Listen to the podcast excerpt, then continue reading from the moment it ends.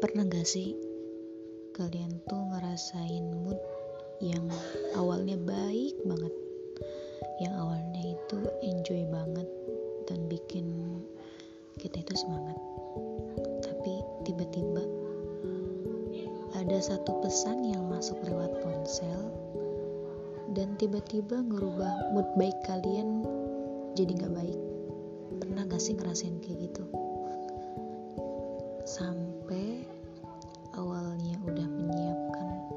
segala sesuatu yang akan dilaksanakan, yang akan dilakuin, tiba-tiba kandas gitu aja.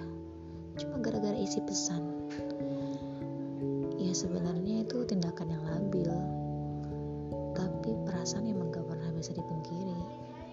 Dia berubah begitu cepat, gak pernah bisa kita prediksi.